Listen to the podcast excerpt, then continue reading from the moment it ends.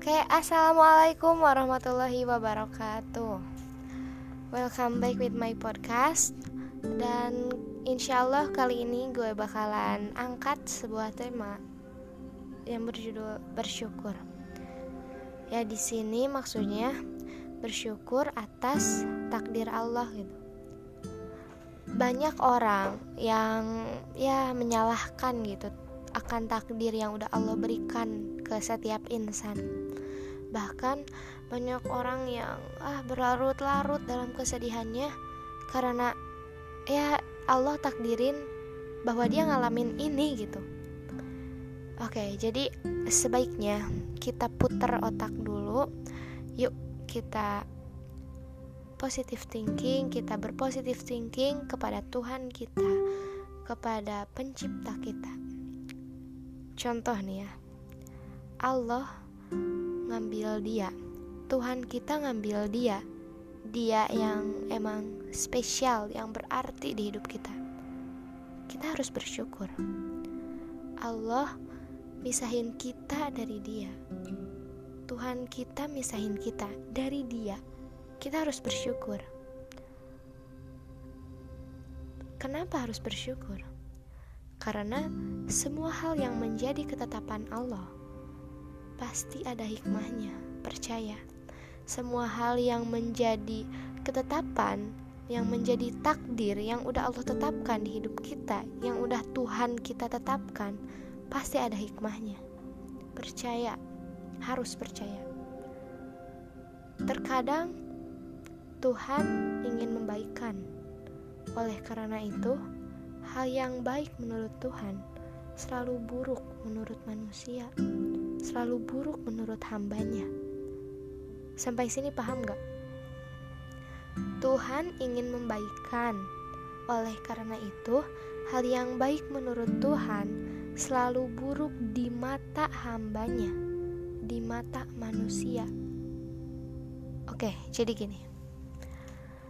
Contohnya, gue punya temen ya, yang jadi alasan gue betah gitu. Betah buat stay di sebuah tempat. Ya temen itu dalam tanda kutip doi gitu. Eh suatu saat Tuhan ngambil nih. Tuhan gue pisahin gue sama dia sama doi gue. Nah padahal kan si doi gue itu merupakan alasan utama gue betah di tempat itu Al, uh, Tuhan gue ngambil nih ngambil doi gue Nah, itu artinya Tuhan gak mau gue ngegantungin rasa nyaman gue ke orang lain. Tuhan mau gue mandiri. Lagian juga kalau misalnya gue lagi ngedown gara-gara gak ada penyemangat lah ya. Tuhan gue selalu ada kok. Kenapa harus ke orang lain? Tuhan selalu sedia sebagai tempat sandaran gue gitu. Tuhan mau gue bergantung ke Dia. Ke dia ke Tuhan. Jadi maksudnya Tuhan tuh cemburu gitu.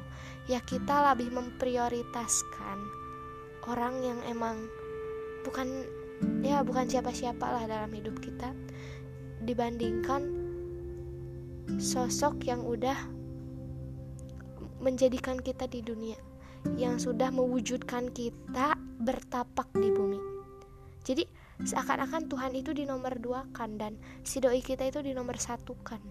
Oleh karena itu Tuhan kita pisahin kita sama doi kita supaya kita lebih memprioritaskan Tuhan kita.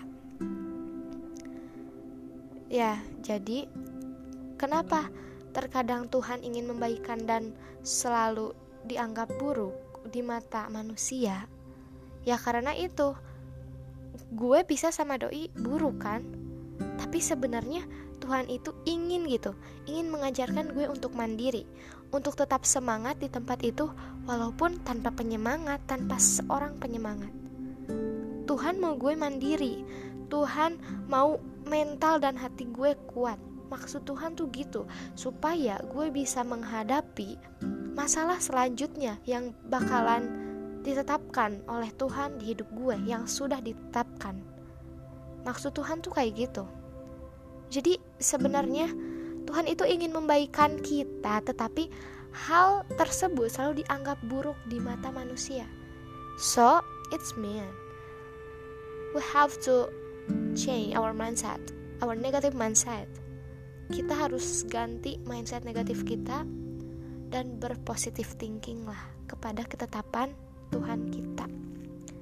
Ya, karena Tuhan kita gak mau hambanya lemah. Tuhan kita gak tega. Kurang sayang gimana? Tuhan sama kita. Paham?